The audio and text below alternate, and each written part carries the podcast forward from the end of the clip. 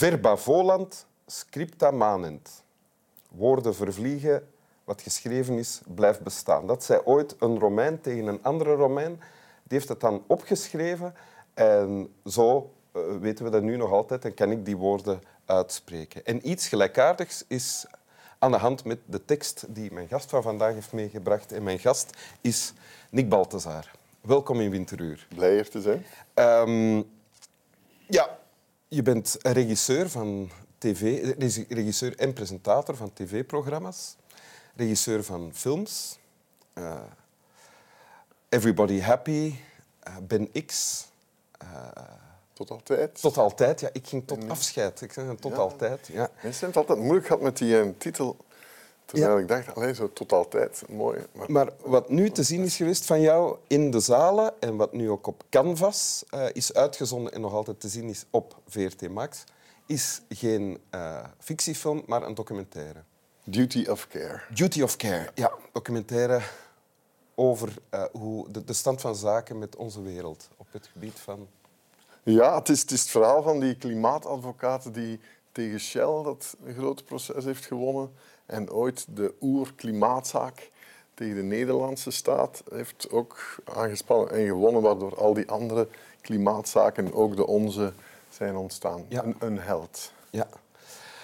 Die je portretteert. In... Ik heb die twee jaar uh, gevolgd en wij waren er dus bij in de rechtszaal toen ja, plotseling zoiets geks gebeurt. Hè. Een van de grootste multinationals ter wereld en een van de grootste vervuilers door een rechter gewoon wordt verplicht om hun uitstoot met de helft te gaan verminderen. Ja.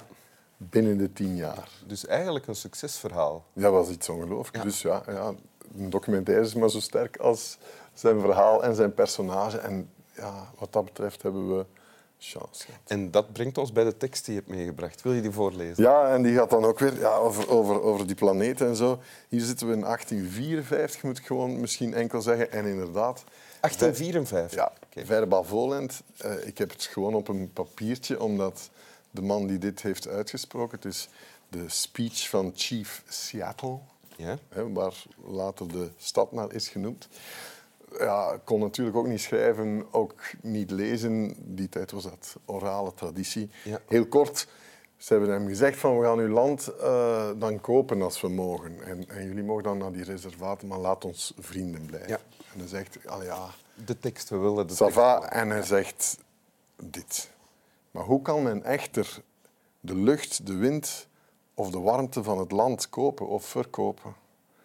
Elk stuk, elk stuk land is heilig voor mijn volk.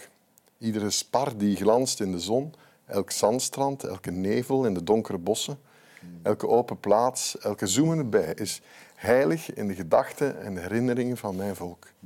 We weten dat de bleke man onze manier van leven niet begrijpt. Voor hem is het ene stuk grond gelijk aan het andere, want hij is een vreemde die in de nacht komt en van het land neemt wat hij nodig heeft. De aarde is niet zijn broeder, maar zijn vijand. En als hij die veroverd heeft, trekt hij verder. Hij behandelt moeder aarde en zijn broeder lucht als koopwaar, die hij kan uitbuiten en weer verkopen als goedkope bonte kralen. Zijn honger zal de aarde kaal vreten en slechts helse woestenij achterlaten. Ja. Dit zei dus Chief Seattle of iets gelijkaardigs toen ze hem aanboden ja. Uh, mogen we je land kopen. Of misschien niet aanboden, maar eigenlijk zeiden we komen je land kopen. Ja. ja, laat ons vrienden worden. Waarop hij eigenlijk in een lange speech zegt... Bon, er zal weinig opzitten voor mijn volk dat ondertussen gedecimeerd is. We gaan dat proberen. Ja. Maar wil je alsjeblieft dit doen? Zorg voor dit land. Zorg voor de dieren. Zorg voor die rivieren die ja, ook uw aders zullen zijn. En, zo. Enfin, en deze niet mis te verstaande waarschuwing die we niet meteen... Uh... Ja, en heeft het effect gehad? Dat hij zei toen? niet. Hè. Kijken we naar de wereld vandaag, dan zijn dat soort waarschuwingen die meerdere ja, inheemse stammen ons hebben proberen duidelijk maken, totaal in de wind geslagen op alle manieren. En misschien komt dat, en daarom heb ik ook deze tekst, vond ik hem zo ja, veelzeggend ook vandaag. We hebben echt altijd gedacht dat alles nu te koop is. Ja, maar dat En staat olie, ook centraal in, in eh, of die gedachte staat centraal in wat je voorleest, denk ik. Mhm. de, de idee van bezit is voor de Indiaan die hier aan het woord is eigenlijk een beetje absurd. Precies, en misschien is het daarom ook voor ons eigenlijk misgegaan. Ja. De eerste man die heeft gezegd, voilà, dat is hier van mij. Toen zijn de problemen misschien wel begonnen, want vandaag ja, kopen wij ook gas en olie van mensen die zeggen dat dat van hen is. En dat we moeten betalen aan de prijs die zij willen. Morgen doen ze dat ook met water. En dan gaan we toch zeggen, maar water dat, dat valt toch uit de lucht en zo? Ja, maar wij doen dat ook mee waar we wonen. Je woont in een huis met een tuin. Dat is ook Ah ja, we zitten ook in dat systeem. Hè. Ja, want wij, kunnen wij daar nog buiten denken, eigenlijk? Vraag ik me af. Als we zeggen van we laten dat los, dan betekent dat dat ik ook in jouw tuin mag komen met Maar absoluut, maar welkom. Ah ja? Cool zou dat zijn. Delen is het nieuwe hebben. En, Ah, en wij denken nu zo dat er geen enkele andere manier van samenleven bestaat als degene die we nu hebben en die ons eigenlijk, laat ons eerlijk zijn, op de rand echt van een afgrond heeft gebracht op Ja. zoveel manieren. Ja. Wat mij ook opvalt in deze speech is dat eigenlijk Chief Seattle... eh, dat er, eh, geen, er zit geen wrok of haat of Nee. zelfs kwaadheid in bijna. Nee, dat is inderdaad bijzonder in, in die speech. Dat hij, was nogthans krijger geweest en zo. Hè? Ik heb hem zelf niet gekend en zo, maar hij was een heel grote man, heel imposant. Maar ook daar was inderdaad, hij zei, de, de haat die misschien de jonge krijgers hier nog voelen jegens jullie, gaat ons ook nergens brengen.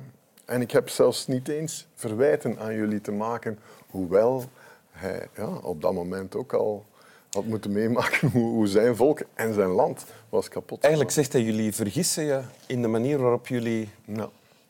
met de wereld omgaan. hè? Ja. Zie je jezelf ook als een soort India?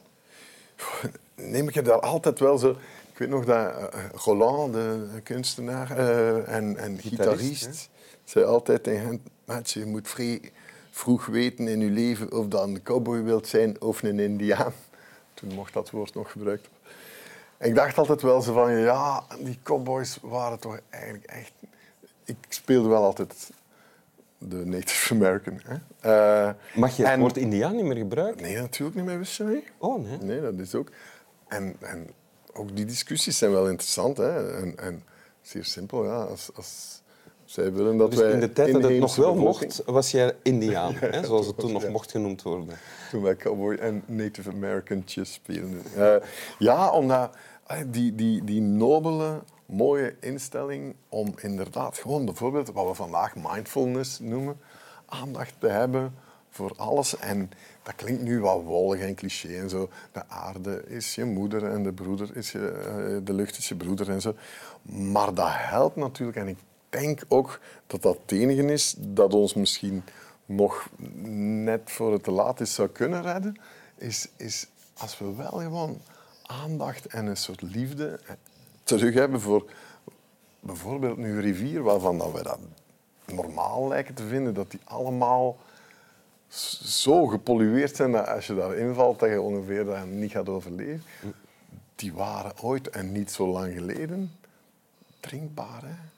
En nu weten we, ah, oh, oh, drinkwater, ah, dat gaat een gelo- ongelooflijk probleem worden. De enige manier dat we daaruit gaan geraken is weer weten ze van, luister, dat is ons, al, dat is ons gemeenschappelijk bezit. Wij gaan daar gemeenschappelijk moeten voor zorgen en niet overlaten aan een paar mensen die daar duidelijk niet zo veel goede bedoelingen mee hebben.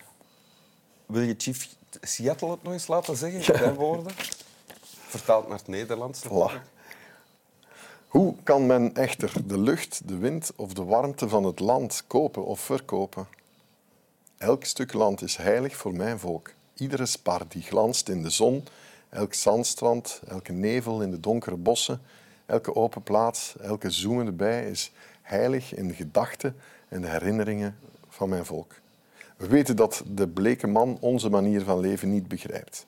Voor hem is het ene stuk grond gelijk aan het andere, want hij is een vreemde die in de nacht komt en van het land neemt wat hij nodig heeft. De aarde is niet zijn broeder, maar zijn vijand. En als hij die veroverd heeft, trekt hij verder. Hij behandelt moeder aarde en zijn broeder lucht als koopwaar, die hij kan uitbuiten en weer verkopen als goedkope bonte kralen.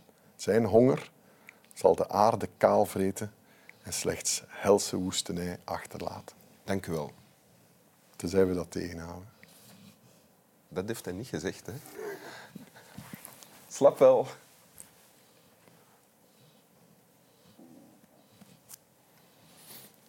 Ja, cowboy of indiaan. Ik kies eigenlijk voor Rataplan. Ik wou het liefst Rataplan zijn. Ja, Maar er wordt er een wakker.